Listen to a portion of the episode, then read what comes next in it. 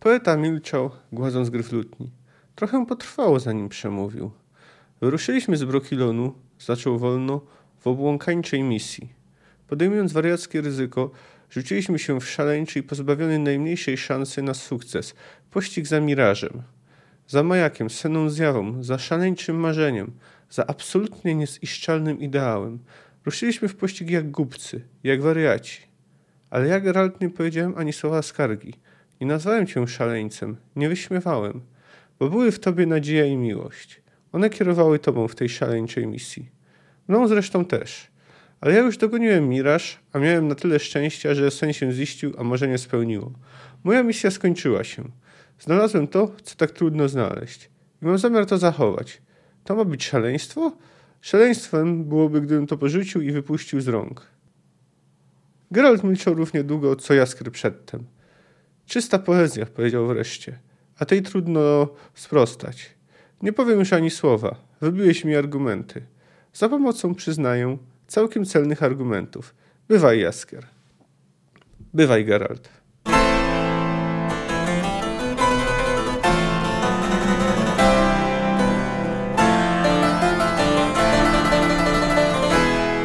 Cześć, jestem Kamil K., a ty słuchasz mojego podcastu Fantastyka Krok po Kroku.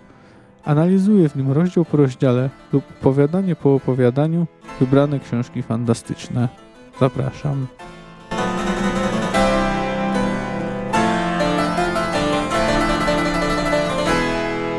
No cześć. No tak jak w, tym razem w końcu odchodzimy od y, Nimue Kondwiramus, czy generalnie dalekiej przyszłości i śledzimy co pobyt Geralta w Tusą, czy raczej jego można to określić pierwszą część. Jak może pamiętacie, Nimue mówi, że no praktycznie nic nie wiadomo o, o pobycie Geralta w Tusą, że nawet Jas, że nie wiadomo co tam robił, że nawet Jaskier opisuje to bardzo zdawkowo. No, my dowiemy się teraz więcej. No, ale zacznijmy tradycyjnie od streszczenia. Poprzedni rozdział zakończył się, że Kondwiramus śniła właśnie o tym, że Geralt został zaatakowany przez potwora. I trzeci rozdział zaczyna się właśnie bezpośrednio od tego. W walce z potworem jest to Skofin, nazywany też Króliszkiem. Geralt, nie chcąc za bardzo go uszkodzić, pozwala mu się wykrwawić, no i po skończonej robocie rozmawia z rycerzem Reinardem de Bua Frenesem. Y, postanawiają spotkać się z klientem i udają się do gospody o nazwie Bażanciarnia. Przenosimy się do przeszłości, do, do chwili, gdy grupa opuściła druidów. Y, towarzyszy im właśnie Reinhard, y, wówczas znany im tylko jako rycerz szachownicy. Opowiada on grupie o romansie Jaskra z księżną Anną Henriettą, zwaną też Anarietą, doszło do niego, gdy mąż księżnej książę Raimund przebywał w Cintrze. Romans wyszedł na jaw, a poeta musiał salwować się ucieczką. No następnie wracamy do, no nazwijmy to umownie, teraźniejszości. W karczmie toczy się jest zabawa, bo jest Wigilia Jul. E, poeta i ry... E, fu, Wiedźmin i rycerz zamawiają jedzenie, a narracja przynosi nas do dnia, gdy grupa Geralta przy, przybyła do Toussaint. E, w pałacu Bokler, zbudowanym przez elfy i lekko tylko przebudowanym, wita ich Jaskier. Z Milwą jest wszystko w porządku, ale ona nie chce wyjść z komnat. No, to jest tam kwestia dotycząca ubioru, że Milwa nie, nie ma ochoty zakładać sukni. Reszta kompanii idzie zobaczyć się z księżną e, i jej towarzyszy Fringilla Vigo. Jak się okazuje, jest z nią spokrewniona. Księżna zaprasza Wiedźmina na prywatną audiencję, ale wcześniej y, za namową Fringilli ma on wziąć udział w obchodach święta Kadzi. Y, tak streszczając sprawę, obchody wyglądają tak, że wśród wiwatów tłumu mężczyźni niosą skąpo odziane kobiety do kadzi, gdzie ubijają one winogrono bosymi stopami. Oczywiście jest to czysto symboliczne, ponieważ y, w Tusą jest dość rozwinięty przemysł winny. Wracamy, znowu wracamy do Geralta i Reinharda w karczmie. Podchodzą do niej dwaj właściciele winnic. E, Zdecydowca zapewnia Geralta, że wypłaci mu pieniądze, a drugi prosi o zbadanie e, piwnic należących do niego. Podczas audiencji, która nie jest całkiem prywatna, bo było tam sporo osób, Anna Henrietta oferuje Geraltowi gościnę, jak długo chce. Geralt stwierdza jednak, że ze względu na wojnę muszą szybko wyjechać. Ona wydaje się tym nie przejmować. Jest przekonana, że jej ostre noty wysłane do Nilfgaardu już zakończyły wojnę. Gdy Wiedźmin dowiaduje się, gdy Wiedźmin mówi jej, że wcale tak nie jest, jeden z urzędników zostaje wysłany do wieży. Znalazł się w niełasce. Po audiencji Geralt i Regis spacerują po pałacowym parku. Najpierw zaczepia ich Angolem, wzburzona informacją, że błędni rycerze pobiorą wynagrodzenie, a następnie pojawia się właśnie kolejny właściciel winnicy ze zleceniem. Geralt je akceptuje, chociaż mówi Regisowi, że w każdej chwili może się wycofać. Następnie zaczepiają Geralta dwaj rycerze. Mają oni do Wiedźmina dość nietypową sprawę. Otóż księżna e, wraz z damami e, zleciły Geraltowi pozbycie się sukuba, który nawiedza e, ich mężów. A oni chcą, by tego zlecenia zaniechał i wskazują na fakt, że de facto sukub nikomu specjalnie nie szkodzi, co najwyżej trochę dręczy i to tylko pełnoletnich. Wiedźmin zgadza się, mówi mu, żeby otworzyli, otworzyli mu konto w jednym z banków. Przyznaje do Regisa, że no pewnie trochę zostaną w Tucson. Następnie Gerald opowiada Reinhardowi o przygotowaniach do uczty i o samej uczcie, e, która miała miejsce około dwa tygodnie po ich przybyciu do Tucson. No, każdy sobie jakoś radzi. Najtrudniej ma, ma Milwa, bo jej towarzysz jest małomówny, a i ona sama raczej nie jest duszą towarzystwa, ale okazuje się, że obydwoje są zainteresowani polowaniami. Tymczasem Frigilla mówi Geraltowi, że nie wyjedzie stąd tak szybko. Zresztą nie ma, nie ma to wielkiego sensu, bo przecież nic mu nie grozi. Fulko myśli, że Wiedźmin nie żyje, a, a Geralt na dodatek nie ma żadnych tropów, nie wie, gdzie powinien jechać. Znowu mamy przeskok czasowy i Geralt y, rozstaje się z Reinhardtem i zmierza w kierunku Bokler. No i znowu cofamy się y, w czasie. Geralt naduje Jaskra i mówi mu, że potrzebują koni. On, y, Jaskier mówił oczywiście, że je dostaną, ale sprawia wrażenie zdziwione, zdziwionego. Myślał, że spędzą zimę w Tucson. W końcu stwierdza, że zostaje z księżną. Wywiązuje się dyskusja, ale, ale kończą ją, no, można powiedzieć, w zgodzie. Geralt odnajduje Fringillę w bibliotece. Słowo do słowa uprawiają seks.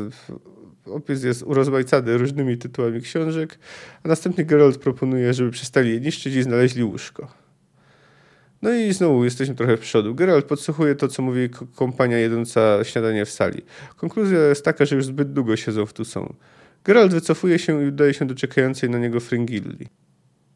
Po tym, co się stało, Fringilla wymyka się i znajduje ukryte pomieszczenie, z którego komunikuje się z członkiniami loży. E, obiecuje, że spróbuje utrzymać Wiedźmina w Tusand jak najdłużej może, ale że do maja raczej jej się to y, nie uda. E, w trzecim rozdziale pani Jeziora Sapkowski znów zastosował tą, jak już możecie się zorientować ze streszczenia, taką takie skoki czasowe w narracji. To znaczy, że część, że w zasadzie poznajemy tę historię jakby w formie rozmowy Geralta i Reinarta. No chociaż oczywiście to nie jest tak, że Geralt mu opowiada, bo gdy wspominają o danym wydarzeniu, to oczywiście przenosimy się jakby do niego, jakby działo się na bieżąco. Nie wiem, czy to retrospekcyjne podejście wiele wnosi. No, pozwala się na przykład zorientować, że Geralt zaprzyjaźnił się z Reinartem. To pozwala trochę lepiej zorientować się w łączących ich relacjach patrząc tak z fabularnego punktu widzenia, to najważniejsze jest tutaj uwiedzenie Geralta przez Fringillę. No nie, żeby Wiedźmin, Wiedźmin się specjalnie opierał, chociaż też od razu nie, nie skoczył na nią, jak tylko mu y, to zasugerowała. Trochę jej to jednak zajęło. No tutaj też trzeba stwierdzić, że jest dość oczywiste, że Loża śledzi Geralta, ponieważ Czarodziejka wie niemal wszystkich jego poczynieniach. Wie o Fulku, wie nawet o Avallachu, a przynajmniej wie, że spotkał się z y, elfem i że on zniknął. No tutaj jest dość nic dziwnego, że Loża interesuje się y, Geraltem. W końcu było, nie było, było on, jest on mocno związany z Ciri. Y, dodatkowo może mogą się bać, że on spróbuje się jakoś włączyć w wydarzenia i namiesza i w ten sposób pokrzyżować ich plany. No a na dodatek zakładają, że Wilgefortz może go poszukiwać, więc liczą, że gdy po raz kolejny ponowi się skanowanie, to czarodziej to, to, to namierzą Wilgefortza. Fringilla wspomina w rozmowie z Loszą, że od ostatniego skanowania nic się nie wydarzyło i Filipa jest z tego powodu do raczej rozczarowana. Wyraźnie liczyły na coś innego. Tak już patrząc z punktu widzenia Geralta, to pobyt w Tucson nie jest zupełnie bez sensu. Geralt przed nim faktycznie jest niezwykle sfrustrowany i skwaszony, a tutaj przez przynajmniej na czas jakiś stał się bardziej uśmiechnięty. I pomijając już jej intencje, to Fringilla ma rację, że on faktycznie nie bardzo wiedział, gdzie iść. E, przecież nie wiedział, co teraz zrobić po tym, jak druidzi mu nie pomogli. Był w kropce. A tutaj faktycznie, jak to Fringilla wskazuje, ma do dostępu um, potężny księgozbiór. No, oczywiście Fringilli pomogło też to, że Geralt uważa Yennefer za zdrajczynię, co czyniło go bardziej podatnym na jej wysiłki. Chociaż tutaj no, to jest trochę dziwne, bo przecież y, widział w jaskini Avallacha, widział y, Yennefer z kutą kajdanami. Nie połączył kropek? No, cóż, może uznał, że to iluzja, choć nie powiem, żeby mnie to wytłumaczenie satysfakcjonowało. No w każdym razie Reynard wyraźnie wskazuje, że jest w lepszym humorze niż wtedy, gdy przyjechali. Wolę cię uśmiechniętego, rzekł Reynard, przypatrując mu się bardzo uważnie. Ostrokość o niebo całe wolę cię takiego jak teraz. Od takiego, jaki byłeś wówczas w październiku po tej drace w druickim lesie, gdyśmy jechali do Beauclair. Wtedy, daj to sobie powiedzieć, byłeś chmurny, zgorzkniały, obrażony na świat, niby oszukany lichwiarz, a do tego drażliwy niczym mężczyzna, któremu przez całą noc nic nie wyszło. Nawet rankiem. No ale no, nie ma też tego pobytów tu są idealizować, bo yy, cała grupa, między innymi Angolem, dość łatwo mówi, że no za długo tu są. Yy, posłuchajcie, co, co yy, podsłuchał yy, Wiedźmin. Mówiła Angolem. To jakieś kurwa zauroczone miejsce całe tu są. Jakiś urok wisi nad całą tą doliną, a już nad tym pałacem szczególnie. Dziwiłem się Jaskrowi, dziwiłem się Wiedźminowi, ale teraz samej mi się jakoś mdło robi i w dołku mnie ściska. Tfu, przyłapałam się na tym, że... A, co ja wam będę gadać. Mówię wam, wyjeżdżajmy stąd. Wyjeżdżajmy stąd co rychlej. Rzeknij to Geraltowi, odezwała się Milwa. Jemu to rzeknij. Tak, porozmawiaj z nim, rzekł Kachir dość sarkastycznie. W jednej z tych krótkich chwil, gdy bywa uchwytny. Pomiędzy oboma zajęciami, jakie od dwóch miesięcy wykonuje, by zapomnieć. Ty sam, parsknęła Angolem, jesteś uchwytny głównie w parku, gdzie grywasz w serso z pannami baru, baronownami. Ech, nie ma co, zauroczone to miejsce to całe tu są. Regis nocami gdzieś znika, ciotka ma rago, rabogębnego barona. Zamknij się, smarkulo jedna i nie zwij mnie ciotką. No, no, wtrącił się Regis pojednawczo. Dziewczęta, dajcie spokój. Milwa, Angolem, niechaj będzie zgoda. Zgoda buduje, niezgoda rujnuje. Jak mawia jej miłość księżna Jaskrowa, pani tego kraju, pałacu chleba, smalcu i ogórków. Komu jeszcze nalać? Milwa wyschnęła ciężko. Za długo my tu już siedzimy. Za długo, mówię wam, siedzimy tu w gnuśności. Durniejemy przez to. Dobrze powiedziane, rzekł Kahir. Bardzo dobrze powiedziane. No jak widać, gdyby każdy znalazł sobie jakieś zajęcie, ale wszyscy czuli, że tu są źle na nich wpływa, że mm, właśnie skłania ich do braku aktywności. To zresztą zostanie wyraźnie zaznaczone w, w następnym rozdziale. No w każdym razie wystarczy stwierdzić, że Geralt bardzo dużo czasu spędzał na polowaniu na potwory w ramionach czarodziejki. Pomagało mu o tym zapomnieć o tym, że nie umie pomóc Ciri. Hmm. Dlatego też w sumie nie, uwiedzenie go nie było e, takie trudne. E, zwłaszcza, że jak to ujął swego czasu Jarpen Zigrin, e, ma spore ciągoty do czarodziejek. No ale jednak chyba to warto się na tym procesie uwodzenia troszeczkę skupić. Generalnie jest to prowadzone całkiem sensownie. Czarodziejka wykorzystuje sens, y, tutejsze zwyczaje, potem oczywiście siedzą razem podczas uczty, no i następuje ta e, scena w bibliotece. No oczywiście, bo akurat odbywa się festiwal Kadzi, czyli święto na zakończenie winobrania. Nie wiem, czy same obchody zostały zainspirowane przez jakiekolwiek y, konkretne święto, ale różne festiwale wina odbywają się obecnie i odbywały się również w historii różne święta z winem związane. No przecież wystarczy nawet y, bachanalia przypomnieć, które odbywały się w Rzymie. Nawet jeśli podobno nie były aż tak, e, użyjmy słowa rozpustne, jak to opisywał Liwiusz. No, oczywiście i tutaj to Świętokradzi też ma wyraźny podtekst erotyczny. Skoro mamy to Mamy tutaj to zrzucanie płaszcza, aby pokazać się w dość e, odzieniu, które wiele pokazuje. E, później sama, sama ta procedura i tak dalej, tu, tutaj przed grupą, więc e, zresztą i Geralt i Frigila przyznają, że to jest podniecające. No następny jest ten właśnie flirt podczas uczty, gdzie tam zapewnia go, że jest bezpieczny, ale także przez gesty i słowa wyraźnie stara się do niego zachęcić. No tam oczywiście Geralt y, to jest właśnie trochę problem, bo trudno powiedzieć, na ile Geralt jej ufa. No nawet gdy mówi na końcu, że ufa w szczerości intencji, mówi jej, że przysięga na czaple, no to, to tu swoją drogą tu trzeba wspomnieć, że no na czaple przysięgali poszczególni rycerze podczas uczty, którzy na przykład przysięgali, że wy, wytępią jakichś tam grasantów i tak dalej. No to był oczywiście, oczywiście żart, ale no, trudno powiedzieć, na ile Geralt jej ufa. No i tutaj mamy tą, e, nazwijmy to sceną w bibliotece, dość długą, przytoczę w całości. E, no mam do niej trochę ambiwalentny stosunek. Tu oczywiście należy pamiętać, że zdarzenie to e, poprzedza mm, właśnie ta rozmowa z Jaskrem, gdzie oznajmuje on Wiedźminowi, że zostaje. No i Geralt o tym opowiada czarodziejce. Z miłością, powiedziała wolno Fringilla, jest jak z kolką nerwową. Dopóki nie chwyci cię a tak nawet sobie nie wyobrażasz co do takiego. A gdy ci o tym opowiadają, nie wierzysz. Coś w tym jest, zgodził się Wiedźmin. Ale są i różnice. Przed kolką nerwową rozsądek nie chroni, ani jej nie leczy. Miłość kpi sobie z rozsądku i w tym jej urok i piękno. Głupota raczej. Stała, podeszła do niego zdejmując rękawiczki. Jej oczy były ciemne i głębokie pod zasłoną rzęs. Pachniała ambrą, różami, bibliotecznym kurzem, zetlałym papierem, minią i farbą drukarską, galasowym inkaustem, strychniną, którą usiłowano truć biblioteczne myszy. Zapach ten mało miał wspólnego z afrodyzjakiem. Tym dziwniejsze więc było, że działał. Nie wierzysz? Powiedziała zmienionym głosem w nagły impuls, w gwałtowne przyciąganie, w zderzenie lecących po kolizyjnych trajektoriach bolidów, w kataklizm. Wyciągnęła ręce i dotknęła jego ramion. On dotknął jej ramion.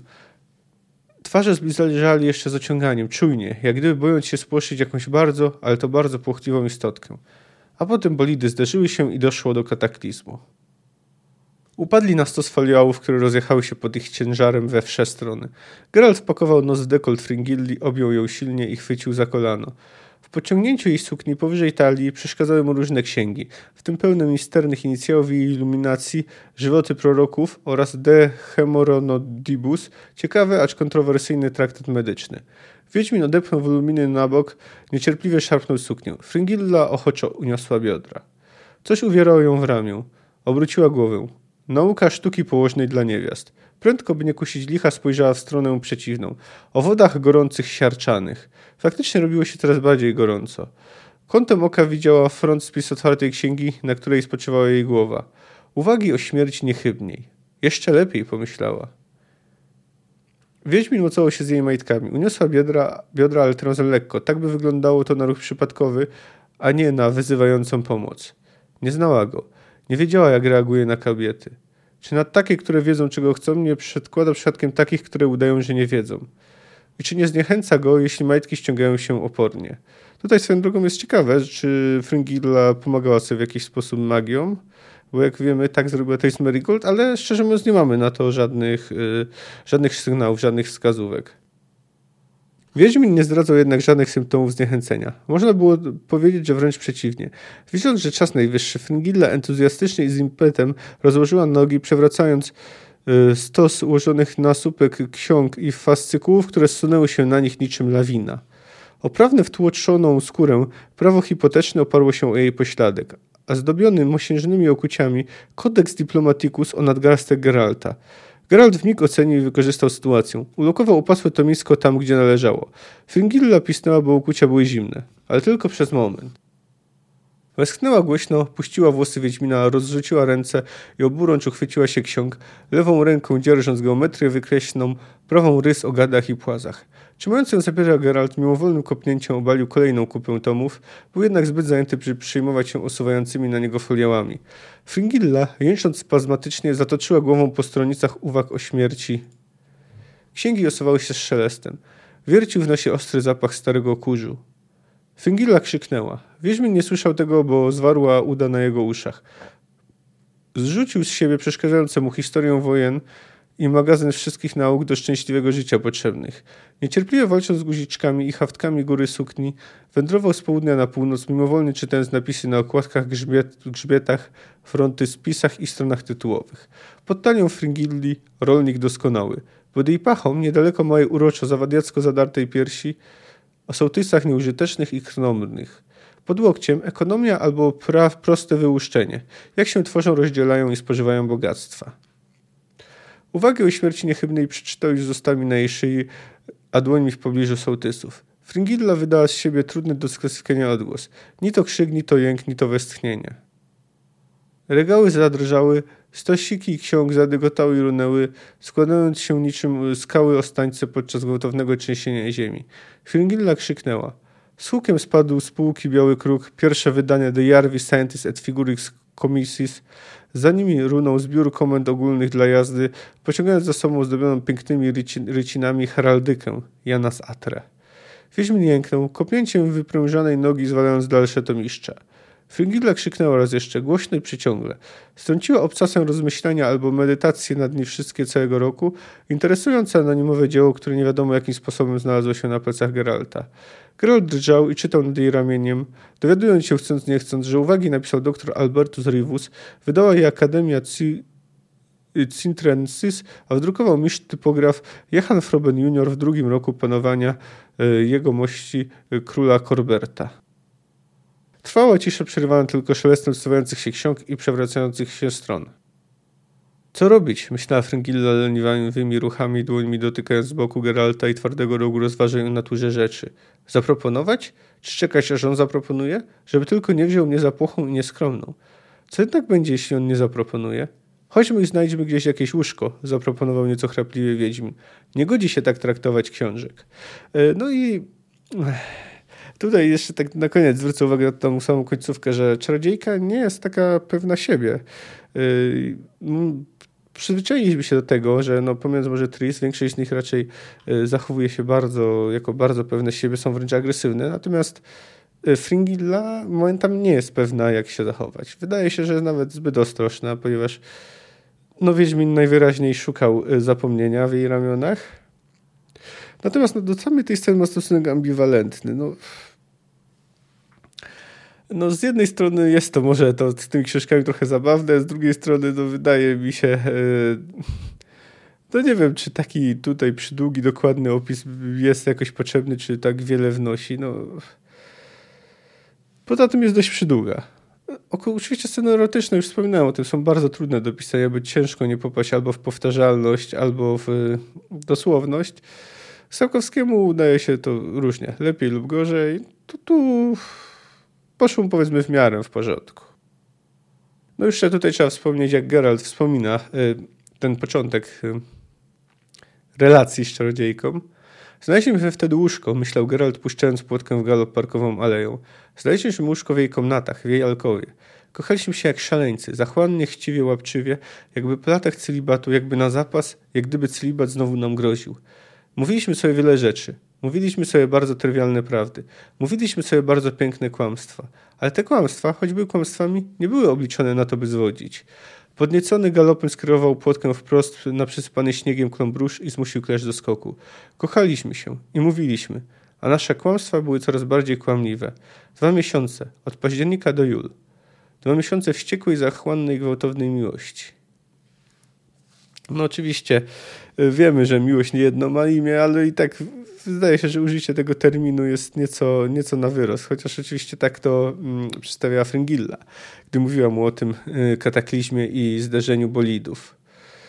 Y, no i tutaj jest takie dość ciekawe zagadnienie. Czy Geralt faktycznie dał się uwieść, czy może liczył, że wyciągnie z Fringilli jakieś informacje? Wydaje mi się z tych fragmentów, które są, wnoszę, że jednak on nie myślał o tym, żeby jakoś tam wykorzystać czarodziejkę, abstrahując od tego, co zrobił na końcu, tylko raczej, raczej faktycznie szukał po prostu y, zapomnienia. Tak mi się przynajmniej wydaje, że, że no nie, nie udawał, że daje, daje się uwieść, tylko faktycznie dał się uwieść.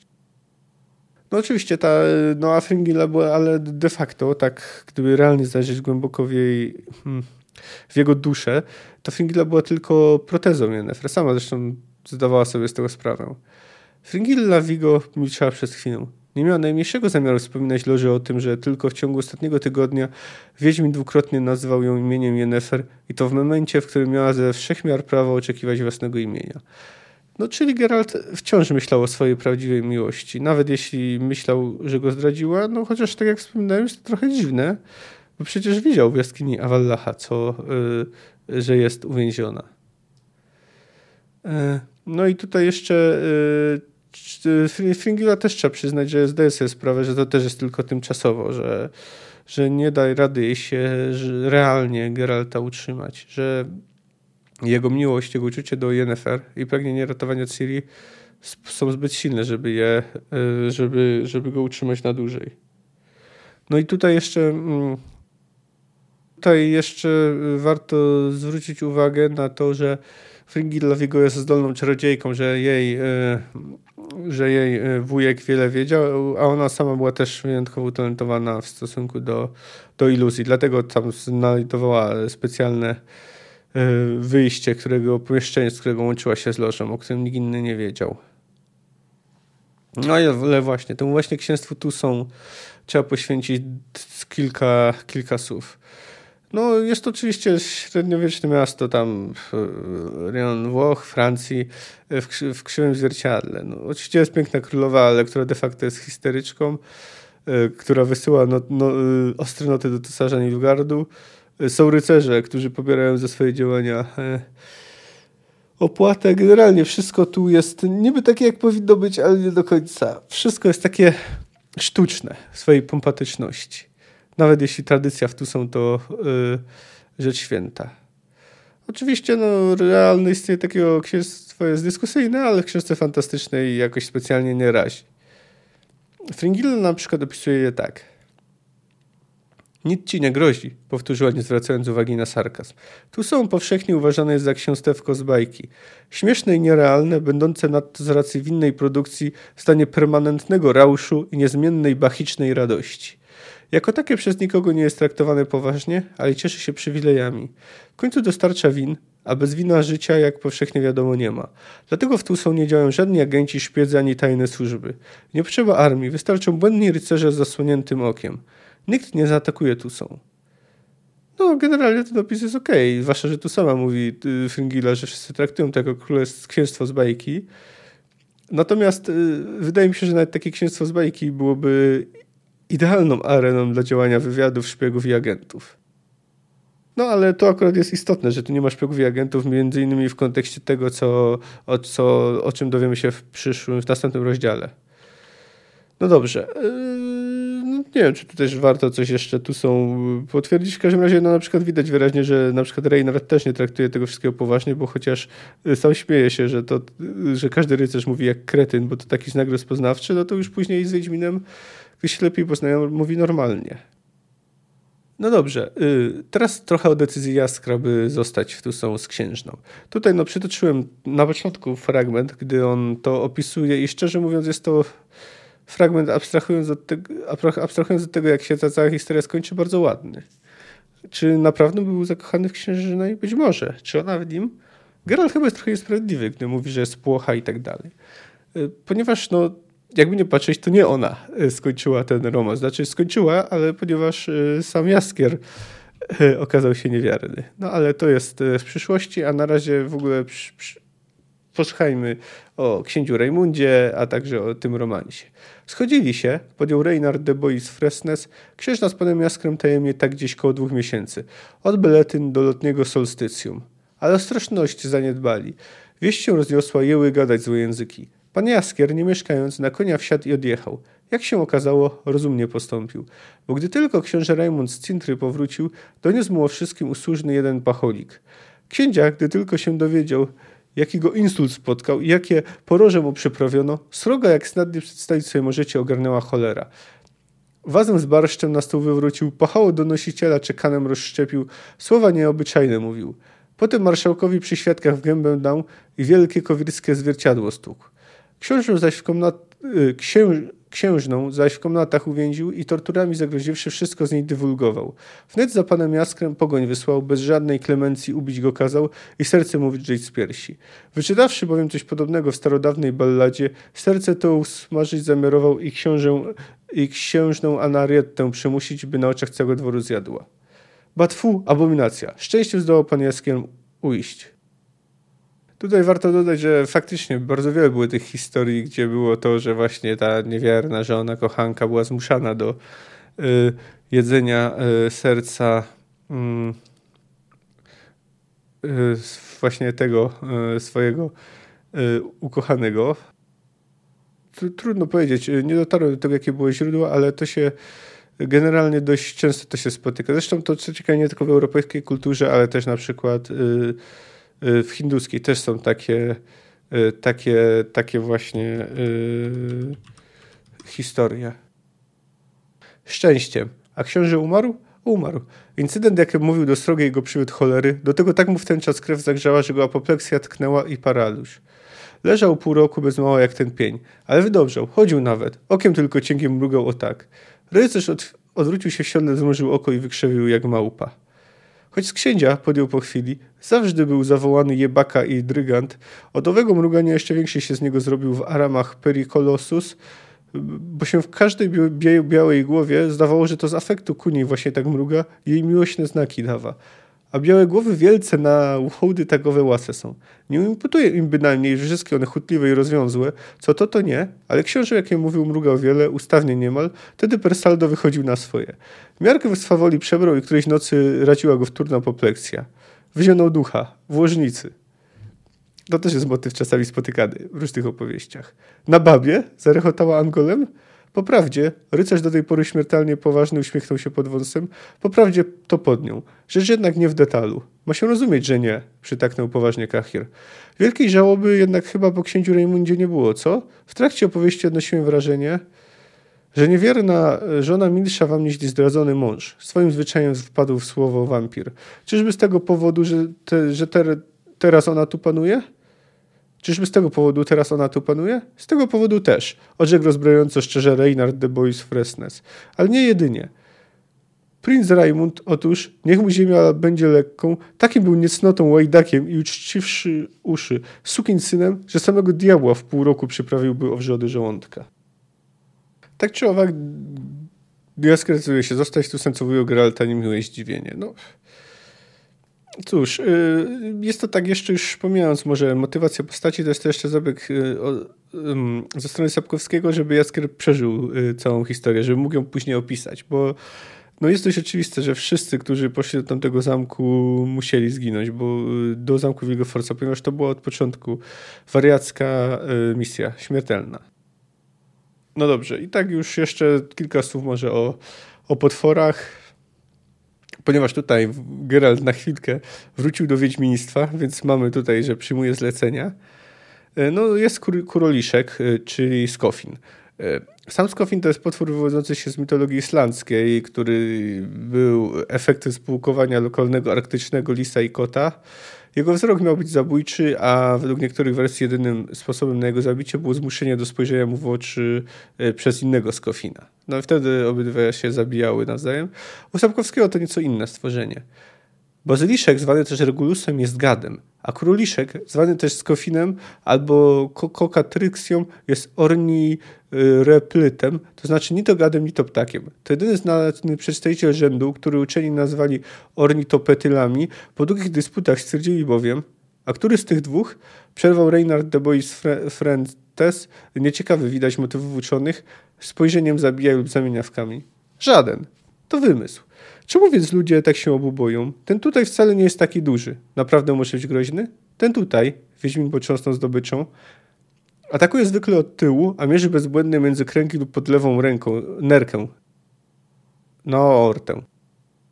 Zwykle wystarcza jeden cios dzioba, a jeśli chodzi o bazyliszka, to wszystko jedno gdzie ukońsi. Jego jad jest najsilniejszą ze znanych neurotoksyn. Zabija w ciągu sekund. Brr, a którego z nich powiedz można ukatrupić za pomocą zwierciadła? Każdego, jeśli walnąć prosto w łeb. No, e, jak więc widzimy, to trochę jest inny e, potwór, bardziej coś pomiędzy gadem a ptakiem, a zaiste ani, ani lis, ani kot no, ptaków nie przypominają.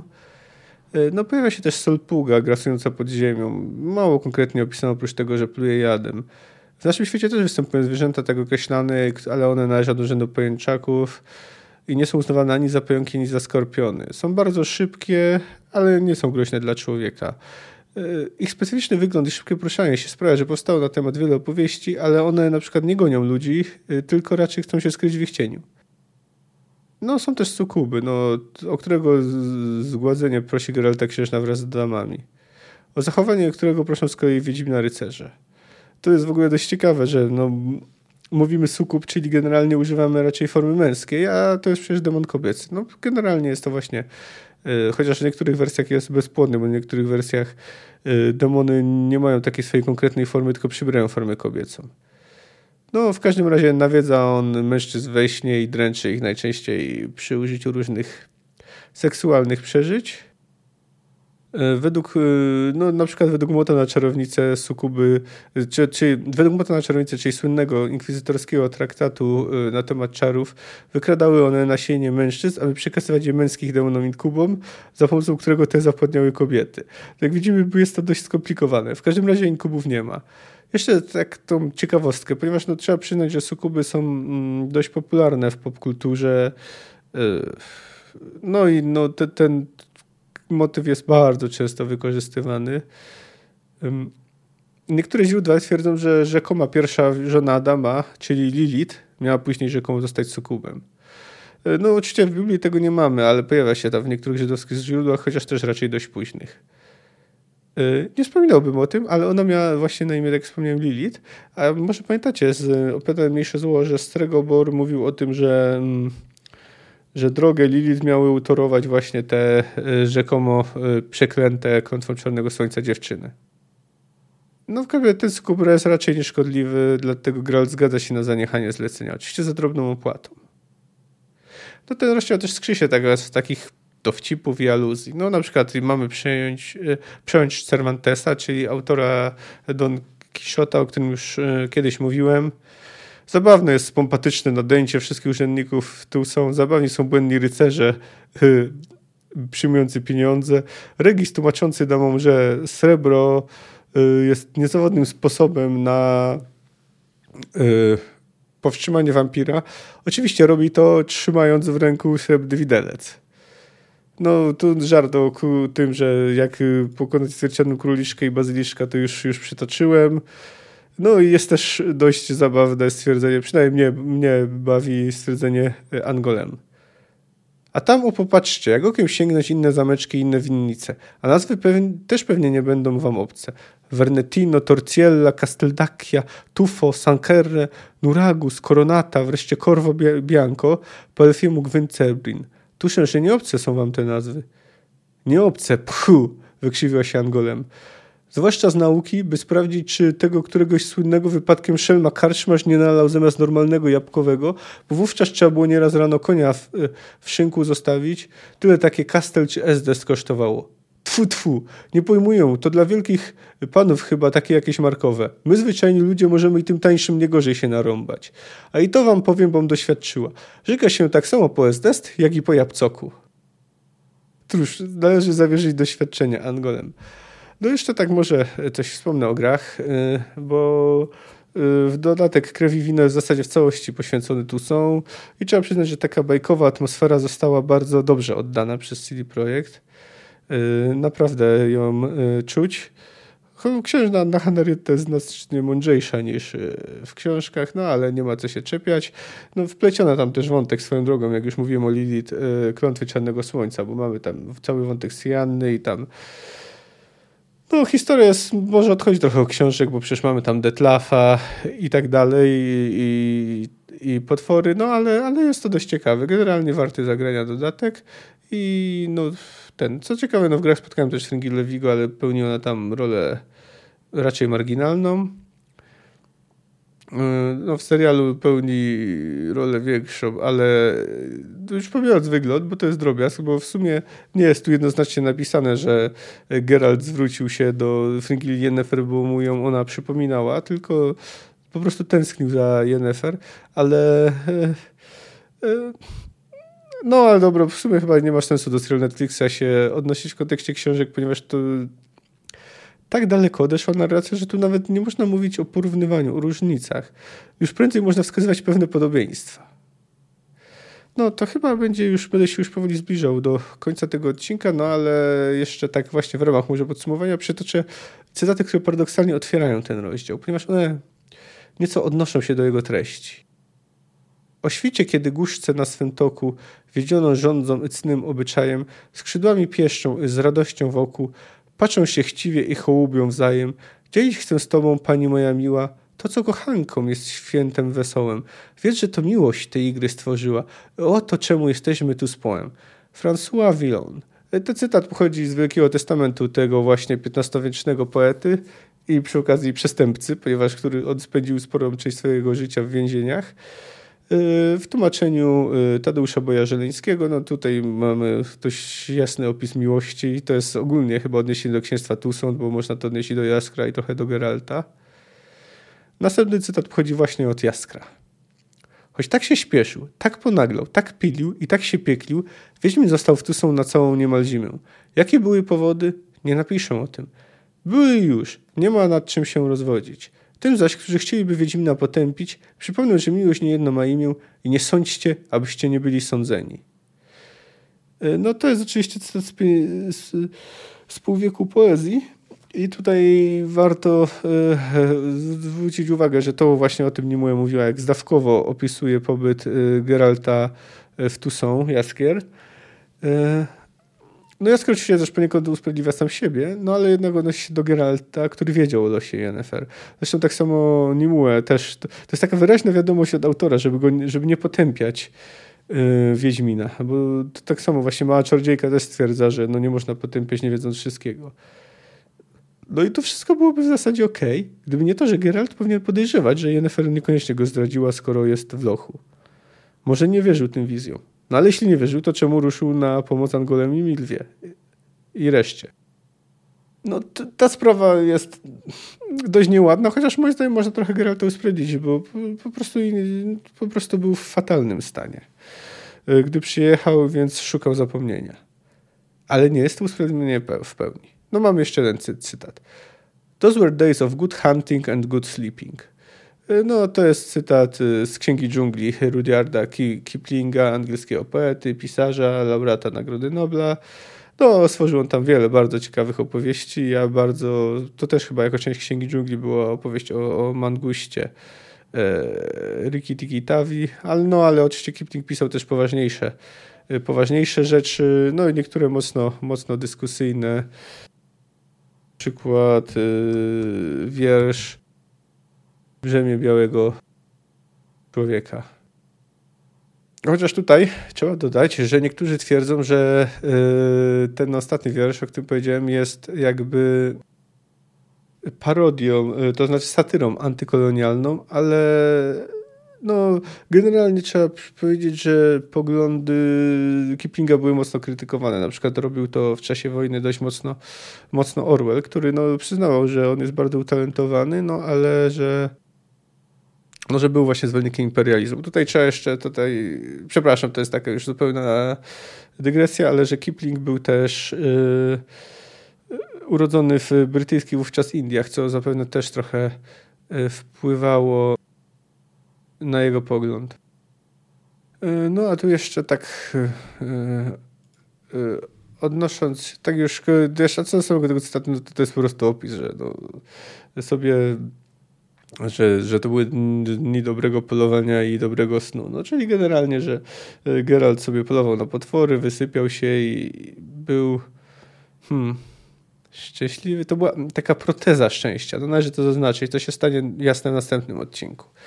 Jakbym miał ocenić ten, ten, ten rozdział? No, jest niezły, ale czy jestem nim jakoś zachwycony, bo jest, jest dość długi? No nie, no powiedzmy tu są, to jest ciekawe miejsce, ten opis romansu, romans z został dość sensownie poprowadzony, no ale też nie jest tutaj nic, czym bym się jakoś zachwycał, może poza tym bardzo ładnymi słowami Jaska, które przytoczyłem na początku. Generalnie jest w porządku, no kontynuacja pobytów tu są y, nastąpi w następnym y, rozdziale, który powinniście usłyszeć za tydzień. Cześć!